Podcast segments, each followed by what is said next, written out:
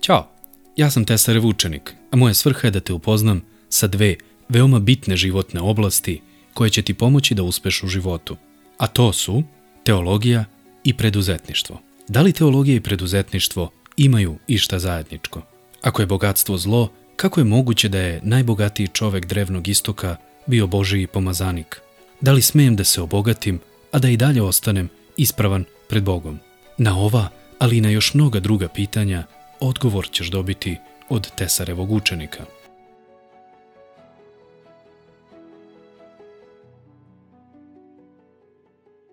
Pozdrav, dragi slušalci. Pre svega bih vam zahvalio što slušate Tesarevog učenika. Čast mi je i zadovoljstvo sa vama deliti istine iz svetog pisma koje vam mogu koristiti u životu. Bilo da se radi o vašim svakodnevnim odnosima sa drugim ljudima ili o poslovnim odnosima. Nadam se da će svaka sledeća epizoda da vas približi preko potrebnom iskoraku u veri da počnete da realizujete svoje preduzetničke ideje. Isto se nadam i da će svaka sledeća epizoda da ohrabri one koji su već u poslu da svoje poslove obavljaju sa još većim žarom i voljom da drugima čine onako kako bi hteli da oni čine njima. Još jednom vam svima hvala na slušanju i koliko mislite da je ovaj podcast vredan pažnje vaših prijatelja ili poznanika, podelite ga sa njima. Napomena, Pre nego što počnete da slušate ovu epizodu, a i bilo šta drugo u životu sa čime se susretnete, budite pažljivi, čitaoci, slušaoci i sve što vam čak i ja govorim, uvek proveravajte. Nemojte ni jednu istinu uzimati zdravo za gotovo, nego sve proveravajte u skladu sa svetim pismom kao polaznom tačkom, u skladu sa zdravim razumom i na kraju u skladu sa Božjom voljom. A u današnjoj epizodi istražujemo mudrost kralja Solomona koji se pojavljuje u Starom Zavetu i u narednih recimo pola sata ću pokušati da vam prenesem kako značajne biblijske lekcije mudrog Solomona mogu oblikovati vaš život i poslovanje, a sa posebnim osvrtom na sve vas koji se izjašnjavate kao hrišćani. Dakle, da napomenemo, kroz naredne četiri lekcije želim istražiti kako nam Solomonova mudrost može pomoći da živimo kao pravi Hristovi sledbenici, kako u poslu, tako i u svakodnevnom životu. Ali, pre nego što pređemo na samu temu, hajde da se upoznamo sa Solomonom. U poslednje vreme volim da saznam što više osobi sa kojom razgovaram ili koju upoznajem kako bih imao što bolju sliku o toj osobi i kako bih znao o kojim sve temama možemo da razgovaramo i kako ja toj osobi mogu da budem koristan i u kojim sferama ta osoba može meni biti korisna. Stoga, hajde da vidimo ko je taj mudri Solomon. Naime, Solomon je drugi sin Davida i Vicaveje. U Bibliji prorok Natan saopštava Davidu da je Božja volja da njegov prvorođeni sin umre, što je bila svojevrsna kazna za ubistvo Urije Hitita i njegovog poroda sa ženom Vicevejom. I to je sve počinio David, očigledno. Posle jednonedeljnog posta i molitve David je dobio vest da mu je sin mrtav i tešio je o žalošćenju Viceveju koja je začela Solomon. Solomonov dolazak na svet je viđen kao milost Božja nakon smrti Davidovog i Vicevejinog prethodnog deteta. Ime Solomon znači miroljubiv. Ime koje je Bog dao Solomonu bilo je Jedidija, što znači od Boga voljen, a neki istraživači smatraju da je Solomon kraljevsko ime uzeto ili po zauzimanju prestola ili tek pred smrt.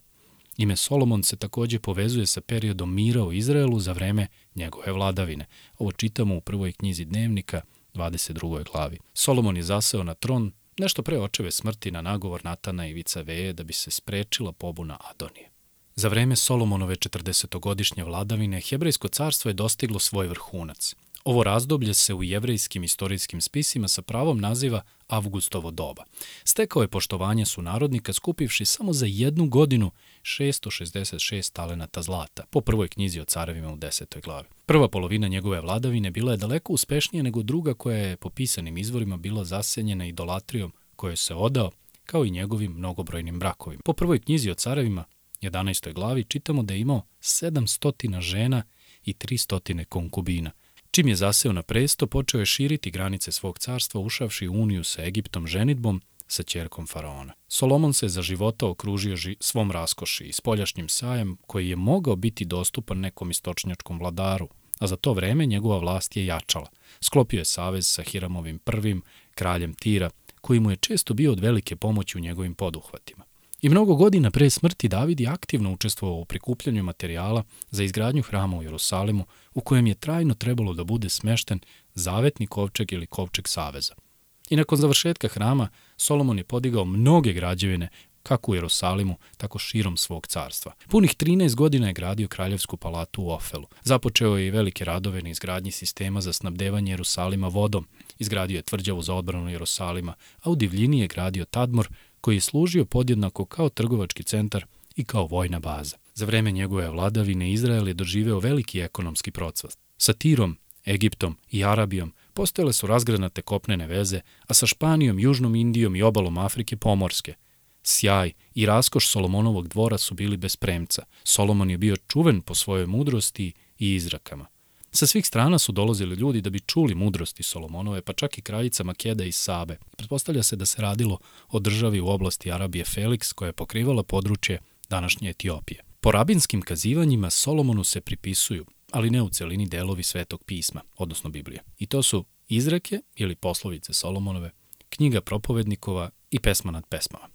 Ako sam nešto izostavio od bitnih informacijama, nadam se da će oni koji u ovoj materiju poznaju bolje od mene da me isprave. I sada dolazimo do onog najznačajnijeg. Koje lekcije možemo da naučimo od ovakvog jednog čoveka? Prva lekcija je ta da je Solomon poznat po tome što je radije molio Boga za mudrost nego za materijalne stvari. Ova lekcija naglašava važnost traženja mudrosti od Boga i postavljanja duhovnih vrednosti iznad materijalnih. U poslanici Kološanima 2.3 apostol Pavle piše vernima u Kolosu da želi da im se srca ohrabre u jedinje u ljubavi da bi izobilovali u potpunom razumevanju, u poznanju tajne Božije, Hrista, u kome su skrivena sva bogatstva, mudrosti i znanja. Nadam se da ćemo do kraja ove epizode uvideti kako ova mudrost može obogatiti našu svakodnevicu. Stoga, pogledajmo kako Solomon pre svega traži mudrost od Boga i kako nam ovaj primer može poslužiti kao neki putokaz u našem hrišćanskom životu. A gde vidimo ovo da Solomon traži mudrost? U drugoj knjizi dnevnika u prvoj glavi u 9. i 10. stihu čitamo da se Solomon obraća Bogu. Neka se, gospode Bože, obistini tvoja riječ dana mom ocu Davidu, jer si me postavio za cara mnogobrojnom narodu, kojega ima kao prašine po zemlji. Daj mi sada mudrost i znanje da bih mogao da ga predvodim, jer ko bi mogao da sudi tvom tako brojnom narodu? Primetite šta je Solomon tražio. Mudrost i znanje. Tačka. I dok vam o svemu ovo govorim, razmišljajte o tome kako mudrost, koja je i vama neophodna, može voditi do boljih poslovnih odluka i dugoročnog poslovnog uspeha. Kada pogledate oko sebe, primećujete da se sve često vodi materijalnim uspehom. I to nije ništa novo. To je bila realnost u vreme Solomona. I zato nas Solomon podsjeća da je mudrost dar od Boga i da je ona zapravo ključ za onaj pravi, istinski uspeh. A sada poslušajte koji je bio odgovor na ovu njegovu molitvu upućenu Bogu. Ovo čitamo u istoj glavi u stihovima 11 i 12. I Bog odgovori Solomonu, zato što nisi srcem zatražio obilje, čast i bogatstvo, dugovečnost, živote onih koji te mrze, već mudrost i znanje, da bi sudio narodu nad kojim sam te zacario, daću ti sve to, mudrost i znanje, obilje, čast i bogatstvo, što nisu imali i neće imati carevi pre i posle tebe. Boži odgovor Solomonu je bio otkrivajući. Ne samo da mu je dao znanje i mudrost, već mu je dodao i izobilje, bogatstvo i čast. A ovo je Solomonu bila jasna i duboka potvrda koliko je važno tražiti znanje i mudrost. Što on i napominje u poslovicama 80 gde kaže prihvatite pouku moju, a ne srebro, izaberite znanje pre nego suvo zlato. A malo ranije u četvrtoj glavi piše mudrost je najvažnija, stiči mudrost. Sa svom svojom stečevinom ti stiči razumevanje. Uzdiži je i uzdignućete, veličaćete jer si je prigrlio. Prelepi venac će ti staviti na glavu, daće ti slavnu krunu. Ovim rečima Solomon savetuje da molimo za mudrost, znanje i razumevanje. A zbog čega to? Glavu pre toga je već napomenuo zbog čega. U poslovicama 3 od 13. do 18. stiha možemo pročitati sledeće. Kako je blagosloven čovek koji je našao mudrost, čovek koji je dobio razboritost, jer je ona dragocenija nego dobit od srebra. Korist je njena od zlata veća, vrednija je od dragulja i ravno joj nisu sva uživanja tvoja. U desnici njenoj je dugi život, a u njenoj levici su bogatstvo i ugled. Putevi su njeni putevi blagi i sve njene staze su mirne. Ona je drvo života onima koje se drže i blagosloveni su oni koji su čvrsto prionuli uz nju. A šta je ta mudrost? I to znanje o kojem Solomon toliko govori. Odgovor na ovo ćemo pronaći u poslovicama 9.10 gde kaže Mudrost odpočinje bogobojaznošću i znanje poznavanjem svetog. I tako dolazimo do druge lekcije iz Solomonovog života koja glasi Zadovoljstvo je u Bogu, a ne u materijalnom bogatstvu. Solomon je imao ogromno bogatstvo, ali zaključio da se pravo zadovoljstvo zapravo nalazi u Bogu, a ne u materijalnim stvarima. I ova lekcija nas podsjeća da pravu sreću ne možemo pronaći u zemaljskim dobrima. Veoma je bitno imati zdrave duhovne vrednosti koje postavljamo iznad materijalnih. I korisno nam je da u životu tražimo pravo zadovoljstvo. Ono koje će upotpuniti našu najveću želju. Kroz priču o Solomonu učimo da pravo zadovoljstvo ne dolazi iz obilja materijalnih stvari, već iz duhovne bliskosti s Bogom. Verujem da ste i vi kao i ja bombardovani izjavama raznih gurua, reklamama i raznim promotivnim materijalima koji vam govore da radost dolazi iz toga koliko imate, kakav imate status u društvu ili iz iskustva koje ste stekli tokom života. Međutim, u psalmu 37.4 čitamo Raduj se u gospodu i daće ti po željama srca tvoga. I ovaj stih nas podsjeća da pravo zadovoljstvo pronalazimo u življenju u skladu sa Božijom voljom. Kako sam to mogao da zaključim? Raduj se u gospodu nam govori da treba da nalazimo radost i zadovoljstvo u gospodu. Ovde ne govori o nekom površnom odnosu, već o istrajnoj potrazi za što intimnijim odnosom sa našim tvorcem. Ovde govori o svesrdnoj ljubavi koju treba da imamo za Bogom, o želji da prihvatimo njegovu volju za naš život. Radovati se u gospodu znači uživati i biti zadovoljan u njegovom prisustvu, u njegovim obećanjima i njegovom karakteru. Neophodno je da primetimo da je radovanje u gospodu neprestan proces. Što više vremena provodimo u odnosu sa Bogom, to jasnije razumemo njegov karakter, njegove želje za naš život, što nas vodi dalje do dubljeg i jačeg osjećaja radosti koju osjećamo kad smo s njim. A drugi deo stiha kaže i daći ti po željama srca tvoga. I neki ljudi razumeju ovo kao izraz obećanja materijalnog bogatstva i svetovnog uspeha. Međutim, to ne znači da će nam Bog dati sve što mi želimo, bez obzira na to da li je to u skladu sa njegovom voljom. Umesto toga, ovaj deo stiha nam govori da kada uživamo, odnosno kada se radujemo u gospodu i kada je on centar našeg života, naše želje počinju prirodno da se usklađuju sa njegovim željama. I zbog toga on nas tako reći nagrađuje mirom, zadovoljstvom i svrhom za kojom smo čeznuli. Moramo znati da želje našeg srca nisu ni malo statične. One se menjaju i razvijaju se što više rastemo u našem odnosu sa Bogom. I dok učimo da mu verujemo više i da se više radujemo u njemu, naše želje se okreću od egocentričnosti i od onoga što želimo na ovom svetu ka hristocentričnosti i onome što nas čeka u carstvu. A treća lekcija koju možemo naučiti od najbogatijeg čoveka drevnog istoka, poslušnost Bogu donosi blagoslove, a neposlušnost donosi razaranje. Razmislite o tome kako poslušnost Božjoj volji može doprineti blagoslovima u životu i poslovanju. Solomon nas uči da poslušnost Bogu donosi ne samo mudrost, već i blagoslove. I to je istina koju možemo primijeniti u svim aspektima našeg hrišćanskog života.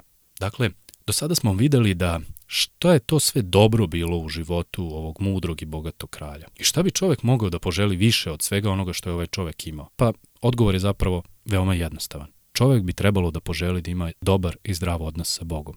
Car David je upozorio Solomona da treba da hoda sa Bogom, da treba da radi na svom odnosu sa Bogom. I Boga je čak i posetio. Ovaj kralj je video i uživao u Božim blagoslovima u svom životu, a ipak grdno je zgrešio. Odao se drugim bogovima. U prvoj carevima 11. glavi od 1. do 4. stiha čitamo sledeće. Car Solomon je osim faraonove čerke voleo mnoge strane žene, Moavke, Amonke, Edomke, Sidonke i Hetitke. One su bile od naroda za koje je gospod rekao Izraeljcima, ne stupajte u brak sa njima, niti oni s vama, jer će zavesti vaše srce da sledite njihove bogove. I Solomon se takvima priklanjao i voleo ih. Imao je sedamstotina žena carskog roda i tri stotine inoča. One su zavele njegovo srce. Kad je Solomon ostareo, njegove žene su zavele njegovo srce da sledi druge bogove, tako da njegovo srce nije bilo sasvim s gospodom, bogom svojim, kao što je bilo srce njegovog oca Davida. A u 11. i 12. stihu čitamo, zato gospod reče Solomonu, kada tako stoje stvari s tobom i pošto nisi čuvao moj savez i moje odredbe koje sam ti zapovedio, jamačno ću otrgnuti carstvo od tebe i dati ga tvome sluzi. No, to neću učiniti za tvoga života radi tvog oca Davida, nego ću ga otrgnuti iz ruke tvog sina. Vidite, iz ovoga možemo naučiti da makoliko neko bio na izgled savršen i makoliko neko imao očigledan blagoslov od Boga, to ne znači da je ta osoba u potpunosti po Božjoj volji. Knjigu propovednikovu Solomon je napisao pred kraj svog života i u ovoj knjizi opisuje njegovu potragu za značenjem života, za svrhom. I ovdje se otkriva činjenica da Solomon duže vreme nije bio u odnosu sa Bogom. I sad se pitamo kako je to moguće? Kako je moguće da je jedan neverovatno mudar čovek, čovek koji je izgradio Božji hram, pogrešio? Možemo reći, misleći, da se ovde radi o tome da nije bio poslušan uputstvima svoga oca. Ili možemo čak reći da je krivo njegovo bogatstvo i slava. Međutim, Sveto pismo nam govori nešto drugo. Kao što smo već pročitali, Solomon je pogrešio jer se umiljavao, da se tako izrazim, svojim ženama. A ovo je jedna ključna istina za sve nas. Oni sa kojima provodimo svoje vreme mogu da promene stav našeg srca prema Bogu. Mogu da nas navedu da odlutamo od Boga i onda nas Bog disciplinuje. Naš supružnik, naši prijatelji, naše okruženje može da utiče na naš odnos sa Bogom. Vidite, Solomon je odlutao od Boga I u knjizi propovednikovoj u 12. glavi od 13. do 15. stiha čitamo Zaključak svega što se čulo je Boga se boji i njegove zapovesti drži. To je sva čovekova dužnost. Elem, Bog će svako delo dovesti na sud, svaku skrivenu stvar, bilo dobro ili zlo. A u poslovicama 3.6 čitamo misli na njega na svojim putevima da bi tvoje staze učinio ravnim. Posvećena poslušnost gospodu može voditi do uspešnih puteva i blagoslova u našem životu. Međutim, ako smo neposlušni gospodu, ne treba da mislimo da će to proći nekažnjeno. Vidimo iz primjera ovog čoveka kako je na kraju svog života ipak shvatio. A zašto je to shvatio tek na kraju svog života? I tu dolazimo do četvrte i poslednje lekcije iz života kralja Solomona. Poslednja, četvrta lekcija koju učimo od Solomona je važnost sagledavanja šire slike. Solomon nam pokazuje da je važno sagledati celokupni kontekst pre nego što donesemo odluke, a to je posebno bitno u svetlu naše hrišćanske vere i našeg bavljanja bilo čime u životu, a posebno ako se bavimo poslom. Naš posao ne radimo samo zbog sebe, već i zbog ljudi sa kojima radimo, zbog ljudi kojima obavljamo taj posao, kao i zbog porodice, zbog bližnjih i zajednice u kojoj se nalazimo. A gde nalazimo da je Solomon postao svestan bitnosti? Vratit ćemo se opet na knjigu Propovednikovu i sada idemo u sedmu glavu. I tamo čitamo od 13. do 14. stiha ovako. Razmisli o delu Božijem. Ko je to kadar da ispravi ono što iskrivi? U danu dobrih stvari i ti dobar budi, a u danu loših stvari razmisli o ovom. Bog je načinio oboje s razlogom da čovek ne zna šta će biti nakon njega. Ovi stihovi predstavljaju zaključak učenja koji im prethodi, ali istovremeno predstavljaju i osnovu za učenje koje sledi. U svakom slučaju, suštinski ovde izlačimo sledeći zaključak. Šta god želiš da uradiš, ako želiš da nađeš svrhu u tome, nemoj da izostaviš ispravno razumevanje Boga i svega toga. U istoj ovoj knjizi u trećoj glavi piše sve ima svoje doba i svaka stvar pod nebesima ima prikladno vreme. Dakle, Za sve postoji određeno vreme i Solomon nastavlja svoje objašnjenje zašto je tako govoreći u stihovima 10 do 14. Posmatrao sam posao koji je Bog dao ljudima da se njima bave. Naime, sve je predivno stvorio u prikladno vreme, čak im je i večno stavio u srca, ali ljudi ne mogu da dokuče dela koja Bog čini od početka do svršetka. Otkrio sam da za njih ništa bolje nema nego da se raduju i čine dobro sav svoj život. Da svi ljudi jedu i piju i da uživaju korist truda svoga. I to je Božiji dar. Saznao sam da sve što Bog čini ostaje doveka, da tome ništa ne može da se doda i da od toga ništa ne može da se oduzme. Da sve što Bog čini jeste da bi ga se ljudi bojali. I svega navedenog možemo uvideti da je Bog uključen i da u svakoj situaciji u kojoj se nalazimo treba da sagledamo širu sliku, da praktikujemo veru i da naučimo da se izborimo sa situacijama u kojima se nalazimo tako što ćemo shvatiti da je sve to deo života.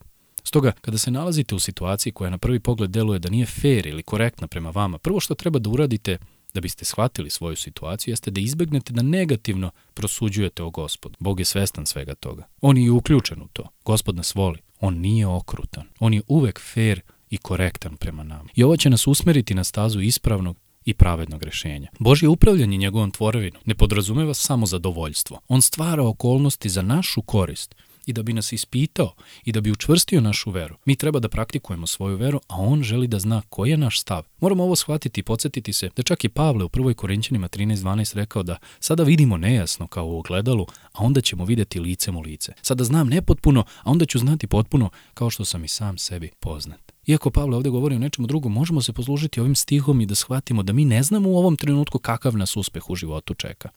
Šta ćemo stvoriti? Koliko ćemo izgraditi? Kako ćemo uopšte posmatrati uspeh za 5, 10, 30 godina? Ali isto tako nam daje ohrabrenje da se svakodnevno uzdamo da je gospod veran u svim aktivnostima, pa čak i onda kada mi ne vidimo celu sliku. U poslovicama 3.21 do 23 piše Sine moj, ne skreći pogled sa toga i očuvaj istinsku mudrost i domišljatost. Biće to život tvoje duši i privezak oko tvoga vrata. Tada ćeš spokojno koračati svojim putem i noga se tvoja neće spotaknuti. Ova opomena nas podsjeća na važnost mudrosti u donošenju odluka, kako bismo izbegli nevolje koje dolaze ukoliko smo neposlušni Bogu i ukoliko ne uviđamo širu sliku života. I šta na kraju možemo zaključiti iz svega ovoga? Kroz ove lekcije iz Solomonovog života pozivam vas pre svega da tražite Božiju mudrost. Ohrabrujem vas da postavljate duhovne vrednosti iznad materijalnih, da budete poslušni Božijoj volji i da uvek sagledavate širu sliku vašeg života. Tek kada ovo sve uzmemo u obzir možemo u potpunosti živeti život kao pravi hrišćani koji ovom svetu čine dobro kroz naš život i kroz naš rad. I sve to vođeni ljubavlju prema Bogu i prema drugim ljudima. I za kraj, neka nam Solomonova mudrost bude podsjetnik na to da je najbolje da sve što radimo u životu usmerimo prema Hristu Isusu, jer On je naša istinska mudrost, naš vodič i svetlo. Samo kroz njega i sa njim možemo živeti život pun mudrosti, ljubavi i blagoslova. I kao što Jakov ohrabruje u svojoj poslanici u prvoj glavi gde piše Ako kome od vas nedostaje mudrosti, neka traži od Boga, koji svima daje velikodušno i bez prekora, i On će mu je dati. Želim vam mir Boži do sledećeg slušanja. Vaš Tesarev učenik.